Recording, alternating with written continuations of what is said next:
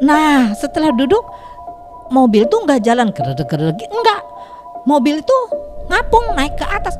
Wih gitu. Ke angkasa. Saya sih sampai gini kan? Wih. Loh ngit gitu. Berhenti berapa detik? Karena saya di situ. Burita saya di mana ini? Eling eling gitu kan?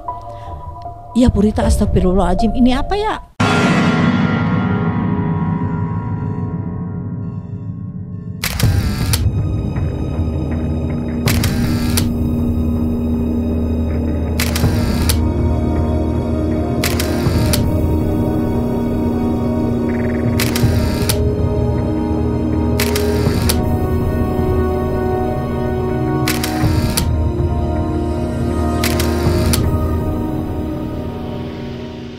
Assalamualaikum warahmatullahi wabarakatuh. Jumpa lagi dengan saya di sini Yudi yang akan mengawal sebuah kisah yang tentunya horor dan mencekam. Terima kasih buat Anda yang sudah mengklik dan menonton video ini. Jangan lupa untuk terus dukung kami dengan menekan tombol subscribe dan menyalakan loncengnya. Juga jangan lupa untuk like dan memberikan komentar serta share ke teman-teman Anda.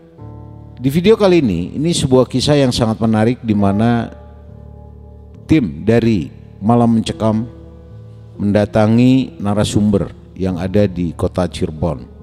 Dan alhamdulillah tim Malam Mencekam ini sudah dapat berjumpa dengan narasumber di mana narasumber mengisahkan sebuah cerita yang sangat horor dan mencekam yang dialaminya secara pribadi.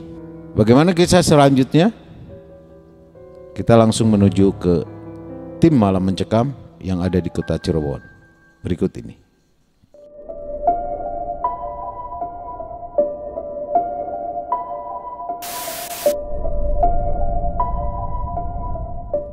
Assalamualaikum warahmatullahi wabarakatuh Sobat Malam Mencekam Kali ini tim masih berada di kota Cirebon Yang mana tim sedang mencari narasumber yang mempunyai pengalaman-pengalaman mencekam Yang akan disajikan untuk sobat semua Kita menemukan satu narasumber yang mempunyai cerita sangat menyeramkan dalam hidupnya Namanya Ibu Elin Herlina Selamat malam Ibu Elin Eh, Selamat malam. Terima kasih untuk tim kru Malam Malam Mencekam. Mencekam. Saya diperkenankan untuk menceritakan pengalaman pribadi eh, sewaktu saya perjalanan kuliah dari Cirebon menuju ke Bandung. Ini Ibu Lin mau langsung ceritakan ya Ya, ceritanya. Itu kejadian tahun berapa? itu saya dulu kejadian tahun 2009. 2009. tahun ya, belum lama 2009. ya. Oke. Keja- ya. Oke, silakan langsung diceritakan. Iya. Eh, waktu itu di tahun 2009 eh, saya eh, kuliah di Bandung. Ternyata eh, saya biasanya naik motor, naik motor dari Cirebon ke Bandung itu kadang juga saya PP, kadang juga nginep di masjid, ya di mana aja, kadang di hotel Parakan, ya. Eh, waktu itu di tahun 2009 di Universitas ya. Eh, pada waktu itu eh, saya biasanya naik motor dari Cirebon menuju ke Bandung. Tapi pada waktu di bulan apa ya itu ya? Di bulan Juni kalau nggak salah eh, perasaan itu badan lagi nggak enak ya. Eh, saya dari situ ada jadwal ada ada jadwal kuliah di tanggal 18 soalnya itu jadwal kuliah tuh 18 sampai 19 Jumat Sabtu ya. Tanggal 18 itu eh, saya biasanya satu bulan dua kali karena di bulan April itu akan eh, ada apa namanya libur liburan semester. Jadi di bulan April itu saya kejar. Dari Cirebon itu saya karena ba- badan saya lagi nggak enak pas lagi sedang musim hujan. Jadi di situ saya uh, naik ojek, nah, minta antar ke suami sampai ke sampai ke pasar uh, gunung ya. Di sini saya kan rumah di sini di Lobunta di Banjarwangunan sini. Uh, diantar suami sampai pasar, saya ke sana naik ojek sampai terminal. Nah, di terminal itu kira-kira jam 5 sore. Nah, setelah saya sampai ke terminal Harjamukti, saya ngebel sama kakak yang di Bandung ke Cece. Saya bilang begini, Ce, nanti uh, Lin jemput jam kira-kira jam 9 lah. Soalnya Lin dari Cirebon jam 5. Uh, eh, saya Lin nunggu di mana katanya. Saya bilang saya nunggu di Tugu Sepatu Cibaduyut. Di depan situ ce, nanti Lin ke situ gitu ya. Oh ya udah kalau gitu nanti Ce ini jemput.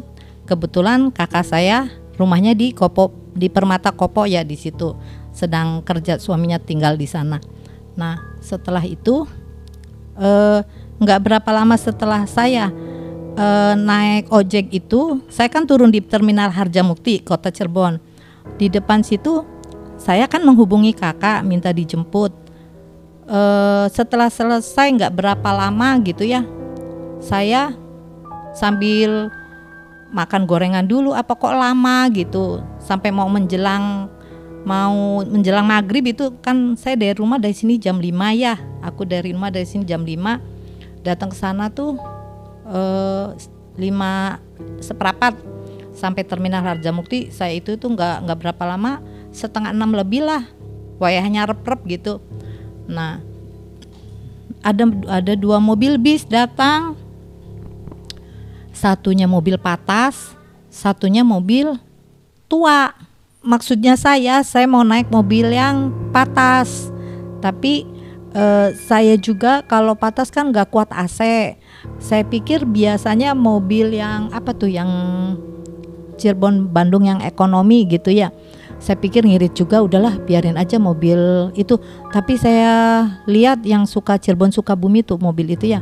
Saya pikir kan saya paling juga turun kalau nggak di Cilenyi di Cibiru gitu. Jadi saya nyetopin tuh mikir di situ mau patas apa itu tapi yang ternyata mobil yang berhenti itu mobil yang tua. Ya saya eh, nggak uh, punya perasaan apa-apa tapi heran juga gitu kan mobil kok doyok banget. Baru ngeliat tapi dari bawah tuh saya juga mikir mau naik itu apa. Tapi udah sore kalau nggak naik-naik nanti lama. Biasanya saya naik mobil elep juga kalau nggak ada. Elep uh, Cirebon Bandung tuh. Nah terus di situ saya uh, disuruh naik jadi saya naik. Begitu saya naik ini aneh juga di dalam mobil. Kok tua semua orangnya? Kayak orang-orang zaman dulu. Nggak nggak bersih bersih gitu kan. Baju bajunya juga saya aneh yang nyupirnya juga aneh.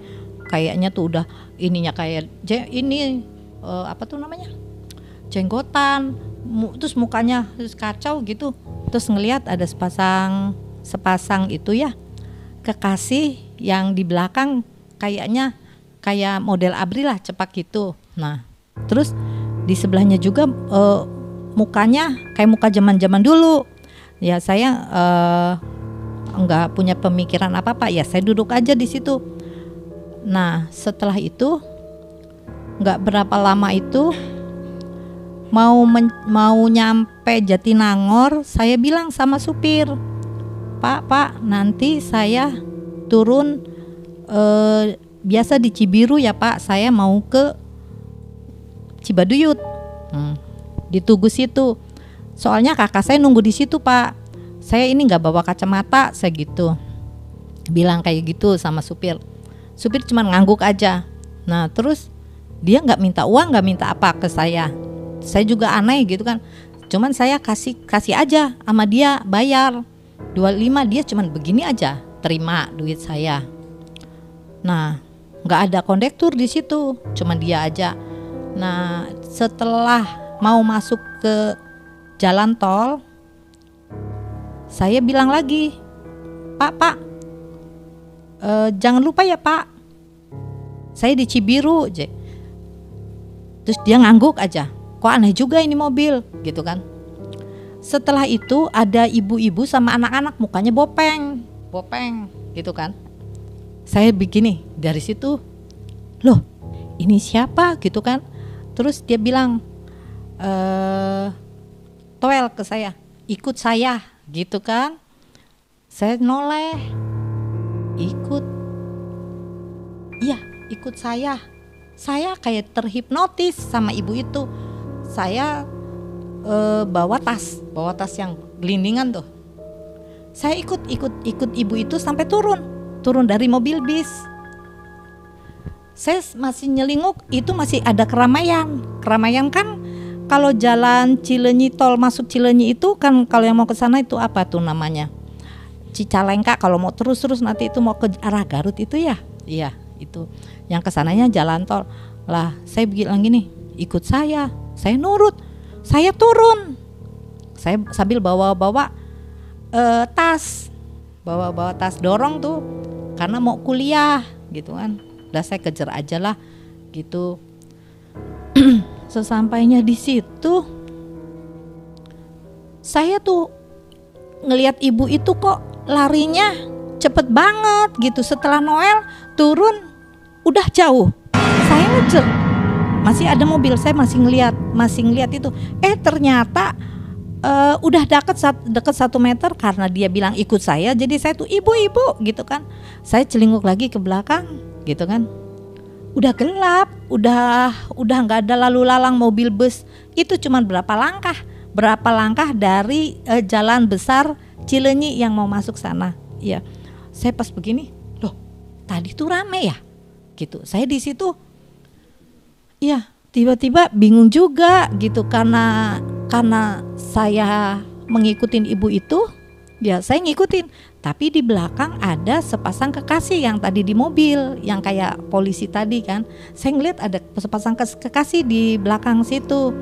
Nah saya terus sambil bawa-bawa itu bawa bawa tas karena si ibu itu terus eh, saya bilang ibu ibu gitu. Saya kicep ibu itu udah jauh banget saya lari-lari terus.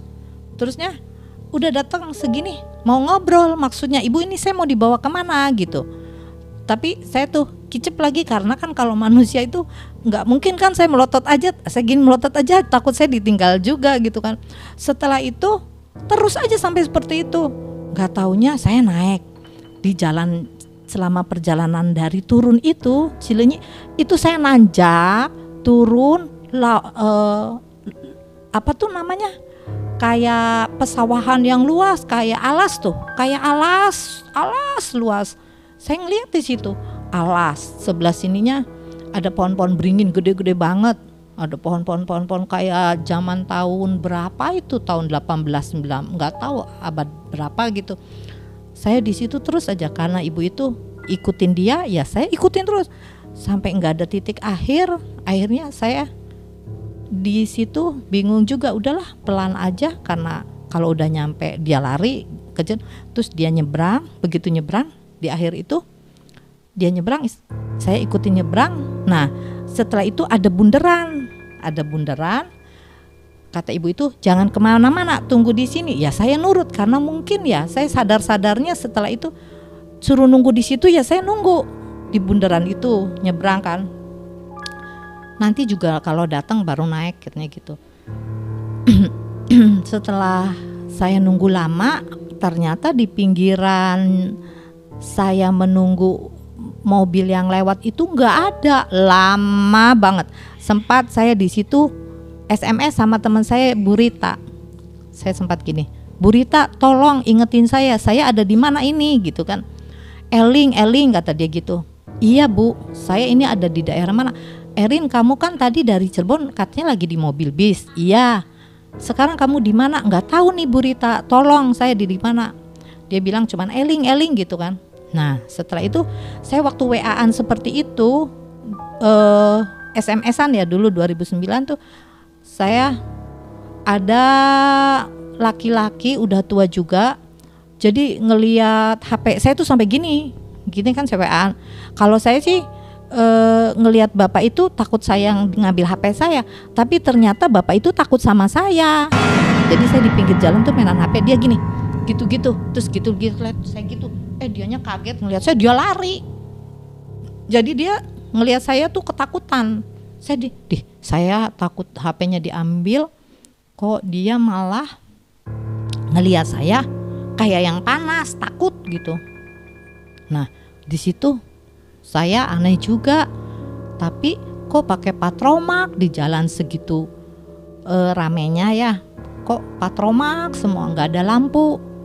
Nah setelah itu di pinggir itu ada yang jualan seperti kita sih ada warung-warung gitu. Ini mah pakainya tenda warnanya biru di pinggiran pakainya geribik.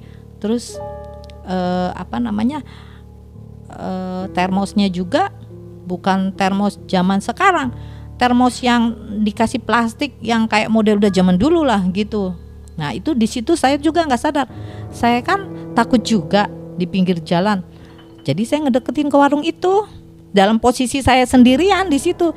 Cuman ada laki-laki yang sepasang kekasih itu yang dari mobil bis itu eh, di sebelah sana gitu kan. Saya gitu oh dia ada. Nah, setelah itu saya deketin yang ada di uh, warung itu. Saya saya langsung begini kan. Pak, Pak. Pak, saya mau ini dong teh manis ya. Dia ngelihat saya lari semua yang ada di dalam warung itu. Kudu kubuk gitu. Saya ya kenapa ya orang kok gitu kan saya juga agak tersinggung apa saya kenapa gitu kan terus saya deketin lagi bapak itu bapak itunya lari nah posisinya itu pakainya patromak patromak patromak patromak panjang. Saya ke situ lagi kan ada yang duduk dia dia lari. Ada saya saya deketin tuh dia lari. Nah setelah itu ah ini apa? gitu kan. Jadi saya duduk lagi duduk lagi di tempat yang tadi karena karena ibu tadi jangan ke mana-mana kan. Di tempat yang tadi jadi saya di tempat yang tadi juga. Nah tapi saya tuh saya di situ tuh ngeliat di bundaran itu tuh di bundaran itu tuh ada bundaran gitu kan? Ada bundaran nah ada jalan ke sana gitu. Saya tuh mikir ini tuh di mana? Saya sampai nggak sadar. Akhirnya ada nggak berapa lama ada mobil datang. Tuh mobil banyak orang. Diisinya ada apa itu ya? Mobil elep. Mobil elep zaman dulu. Tapi isinya borongan kelapa pisang hasil-hasil panen. Uh, ya pokoknya kayak gitu ya. Saya bingung. Kan padat-padat banget sampai di sampai doyong-doyong orangnya sampai kepala keluar-keluar gitu kan banyak. Saya masuk ke dalam. Yang anehnya kok orang segitu padatnya saya masuk bisa duduk di paling belakang gitu loh. Saya masuk. Masuk segitu pak. Saya kan padat gitu tapi ada ada buat saya. Saya duduk tuh. Ya saya duduk nah setelah duduk mobil tuh nggak jalan. Kerede kerede enggak mobil itu ngapung naik ke atas. Wih gitu. Ke angkasa. Saya sih sampai gini kan. Wih loh. Gitu. Berhenti berapa detik. Karena saya di situ. Burita saya di mana? Ini eling eling gitu kan. Ya burita astagfirullahaladzim. Ini apa ya? Kok naik bis? Saya ngapung gitu kan ngapung jejak buri kata burita dari SMS itu sebelah kan banyak orang setelah bunyi ngik gitu nggak berapa detik saya di situ diem tapi setelah itu guruduk guruduk guruduk guruduk guruduk guruduk berhenti saya juga nggak sadar. Tiba-tiba saya sendirian di dalam mobil. Di mobil itu. Nah, terus saya gini, gubul gubul gubul gubul, saya dengar gubul gubul nggak sadar kan. Bunyi gitu kan. Terus ada yang bilang di atas mobil tuh digebrak-gebrak di atas mobil tuh turun turun turun kamu turun gitu. Ke saya. Saya juga bingung. Akhirnya saya apa nih? gitu kan. Saya turun dari mobil itu. Saya turun saya turun udah nggak inget apa-apa nggak apa-apa kan turun gitu kan. Inget saya saya dorong dorong saya dorong dorong gitu kan. Turun dari itu. Saya melongo aja gitu kan. Loh saya tuh melongo aja. E, ternyata saya itu ada di Tugu Cibaduyut yang manggilnya ponakan. Prila, iya Prila. Ponakan itu Prila. Maaf, uh, dulu itu dia manggil tante Lin Lin. Lin Herlina Erin Herlina gitu. Hah, itu nama saya. Saya langsung celinguk baru sadar ada yang manggil. Kalau enggak saya jalan aja enggak enggak inget apa apa nggak inget itu gelap apa nggak nggak ngelihat itu terminal apa Cibaduyut apa Jalan Gede enggak. Saya jalan aja begitu. Jalan enggak nggak inget begitu ingetnya waktu saya eh, SMS itu minta dijemput itu ya ponakan yang kecil itu yang manggil saya. Di situ di situ tuh manggil. Setelah itu saya loh itu nama saya. Pas jelinguk jelinguk biar gitu. Loh saya di mana? Gitu. Terus eh Prila neng. Ya Allah neng. Tante tante Lin ini di mana ya neng ya? Cih. terus eh, tante sadar tante ini cecek cek ini Lin ceh kalau kakak saya kan kalau manggil ini Lin kamu tuh naik apa? Katanya gitu. Kamu naik apa? Katanya. Di sini tuh nggak ada mobil yang datang. Katanya gitu. Kata Cece mobil bis nggak ada mobil elep nggak ada. Kamu teh naik apa? Gitu. Kok tiba-tiba kamu ada di depan saya? Katanya gitu. Kalau seandainya lewat ke sini juga kamu kan kelihatan sama saya. Eh, mobil juga kalau misalnya Cibaduyut itu Cece tuh nungguin di lampu merah pengkolan itu nggak ada mobil yang lewat Nah, kalau Lin lewatnya dari sana kan berarti ke sana. Kalau ini mah tiba-tiba tiba-tiba kamu lewat. Prila ngeliat gitu kan. Iya. Karena ponakan lihat saya, Cece mah nggak kelihatan, yang kecil yang ngeliat tuh. Ngeliat saya. Kalau kakak saya sama suami nggak ngeliat. Katanya gini, "Ah, Lin tuh gimana? Kamu naik apa?" I ya Allah Arjal, Lin juga nggak tahu Lin ke sini naik apa. Katanya Prila, Mama kok Tante Lin kok tiba-tiba ada di sini mah? Katanya ada di Cibaduyut. Kapan di situnya? Kok tiba-tiba ada di Tugu Cibaduyut sayanya. Ya di patung sepatu Bandung. Nah kata Cece kenapa kamu berdiri di situ? Ya nggak tahu. Saya mah jalan turun dari mobil. Mobil juga saya nggak tahu naik mobil apa gitu kata gitu ya nah setelah itu si ibu-ibu yang eh itu Bopeng itu yang tem yang tempo hari bilang ke saya ikutin saya itu itu sempat naik mobil itu juga. Saya naik, ibu itu naik, tapi di pinggir duduknya. Ya itu nggak tanggung jawab.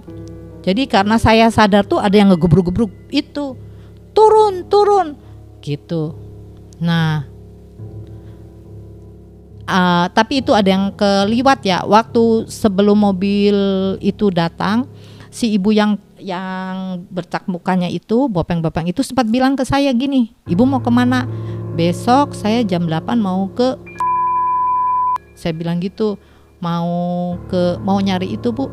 Mau nyari eh, contoh-contoh skripsi di balai pustaka paling jam setengah sembilan saya di situ bu. Soal tapi sekarang saya mau ke kakak dulu sih. Saya sempat ngobrol di bawah situ tuh. Sebelum naik ke mobil mobil pas mau datang itu. Ngobrol lah sama si ibu itu sempat sempat bilang. Waktu di Bandung.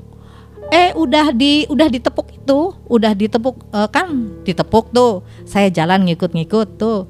Nah sebelum naik mobil elep yang yang kedua kalinya. Nah setelah itu yang herannya saya setelah setelah nyampe di Cibaduyut itu kan ibu itu nggak tahu ke mana. Saya juga sadar sadarnya karena ada yang ngegebrak saya suruh turun. Tiba-tiba saya memang ada di tugu berdiri di situ ya. Maaf jadi saya nyer agak itu juga. Eh apa tuh semangat gitu ceritanya. Jadi, kalau dipikir-pikir eh, apa yang terjadi dengan saya gitu saya nggak ngerti. Nah terus pas keesokan harinya jam setengah sembilan itu saya tuh memang lagi di perpus. Di situlah ibu itu datang lagi nawarin, bu, bu lihat bu ini, ibu lihat ini. Enggak, enggak bu, saya lagi lihat ini. Ibu lihat dulu saya, Eh, saya jualan apa namanya? Pulpen, pulpen. Enggak, enggak bu, enggak. Ibu, saya pas ngelihat ibu itu, ibu itu bopeng yang ada semalam, saya lari dari perpus dia dia udah bilang ya udah bu nanti kalau seandainya ibu sudah nyampe di Bandung nanti ibu silakan tidur di saya. Saya punya rumah di belakang Uninus gitu. Nanti ibu tidur aja di sana gitu. Saya enggak bu saya mau ke kakak saya gitu. Se, eh, sewaktu ada yang kelewat ya? Sewaktu saya eh, menunggu eh, elep menunggu elep di situ gitu. Sempat ngobrol tidurlah di saya. Enggak bu saya mau setengah sembilan saya mau ke perpus besok di Uninus gitu. Setelah itu saya kan itu baru cerita-cerita tuh. Saya berangkat ke kuliah ke Uninus ceritalah sama Bu Rita Bu Rita orangnya teh bupeng coba bu. Ih takut saya mah. Semalam kejadian tuh kamu tuh eling katanya Lin. Ya enggak tahu saya mah nggak ngerti gitu. Nah udah abu saya mau ke perpus dulu gitu. Mau lihat-lihat contoh-contoh skripsi. Begitu saya ke Uninus ke situ ibu itu ada lagi. Saya gini astagfirullahaladzim ibu ibu ngikutin aja saya gitu ya. Eh iya itu yang besoknya udah besoknya ibu itu ada lagi di perpus. Terus saya giniin ibu ibu ibu astagfirullahaladzim uh saya lari itu dilempar saya lari. Karena di perpus itu cuman yang nunggu ada orang yang penulis itu aja nggak ada yang ngebaca juga. Saya lari di situ saya langsung wudhu ya astagfirullahaladzim gitu. Cerita yaitu perjalanan mistis ya sampai di situ udah selesai saya lari itu wudhu ambil saya ambil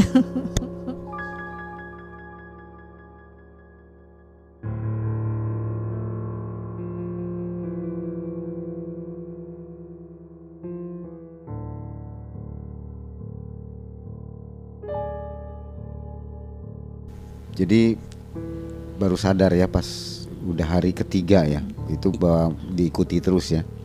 iya eh eh bukan hari ketiga besoknya Oh, keesokan besoknya, harinya keesokan harinya. iya keesokan Tiga kali bertemu dengan ibu itu ya. iya berarti tiga kali Hmm. waktu ditepuk terus di situ ngobrol waktu saya mau naik menuju ke Cibaduyut dari Cibaduyut itu di perpus itu ketemu ibu itu juga Ya. Nah, yang mau saya tanyakan di sini itu begitu ibu ketemu dengan orang-orang di situ kok Mm-mm. mereka pada lari kenapa ya?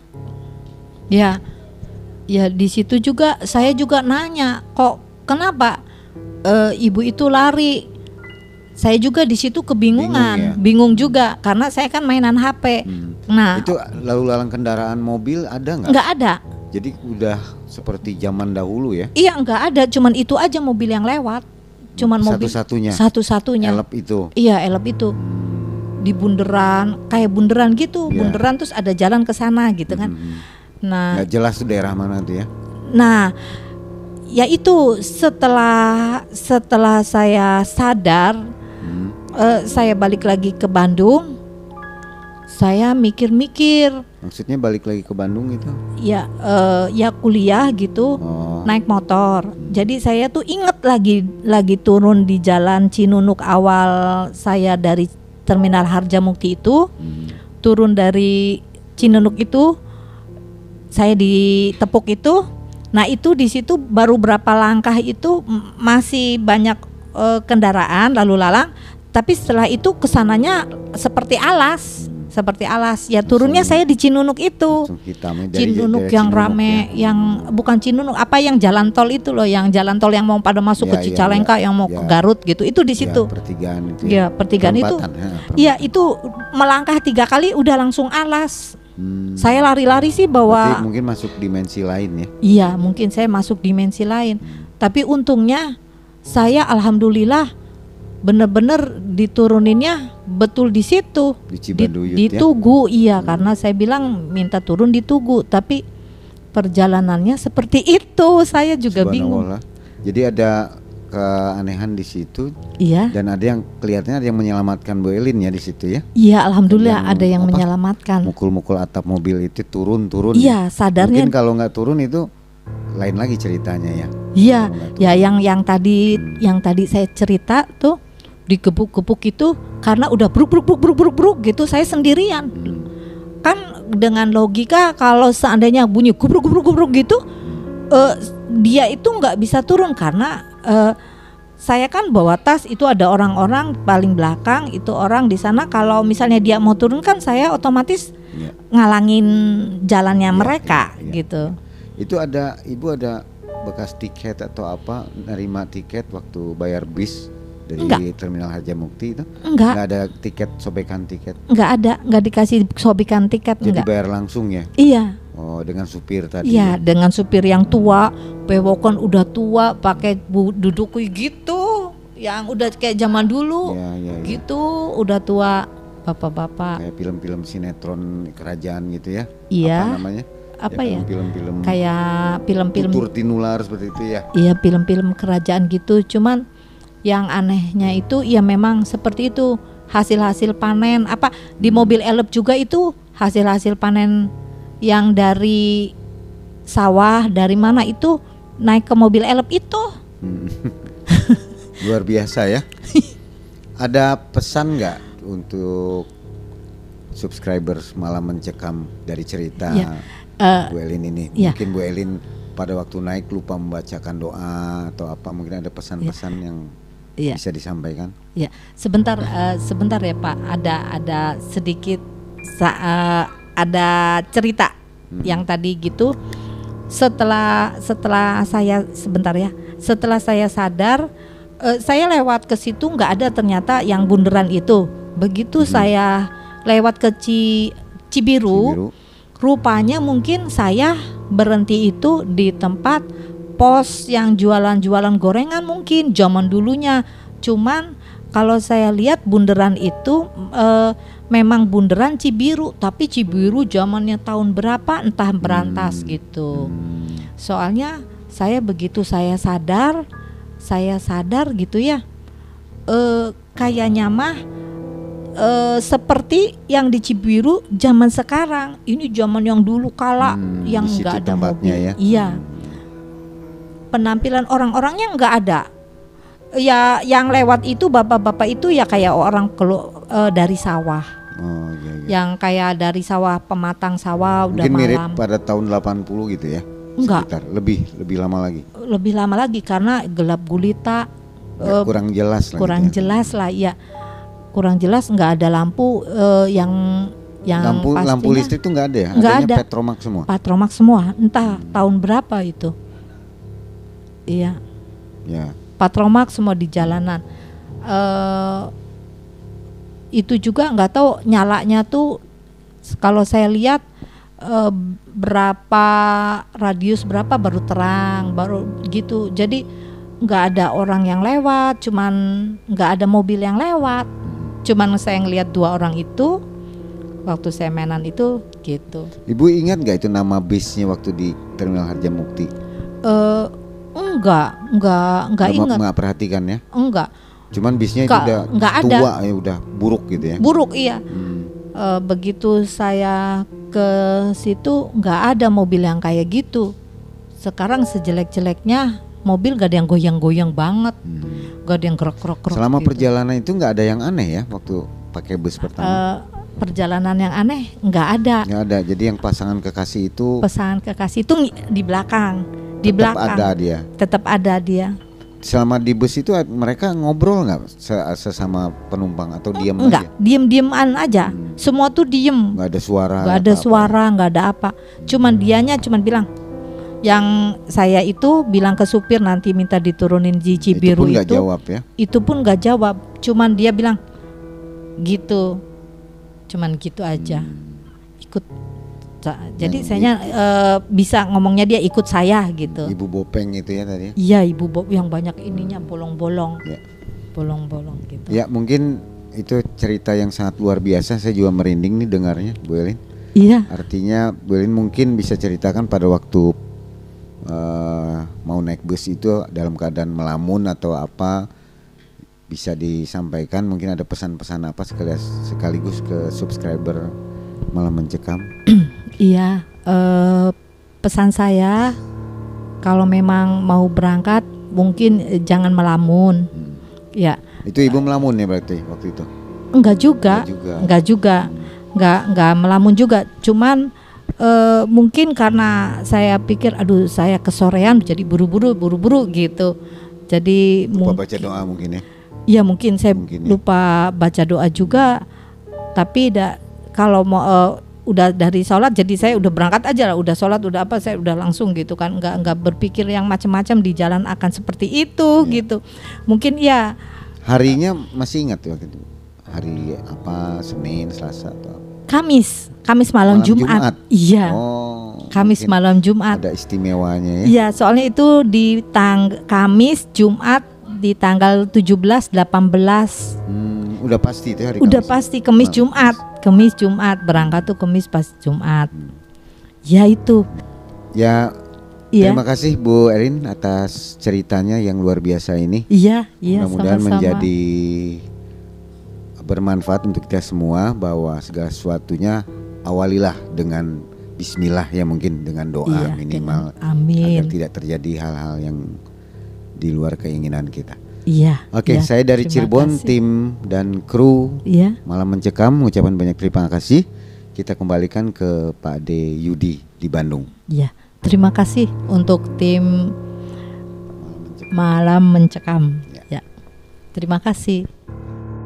Itulah tadi satu kisah yang disampaikan oleh Ibu Erin Herlina yang berkuliah di Bandung tahun 2009 di salah satu perguruan tinggi di Bandung.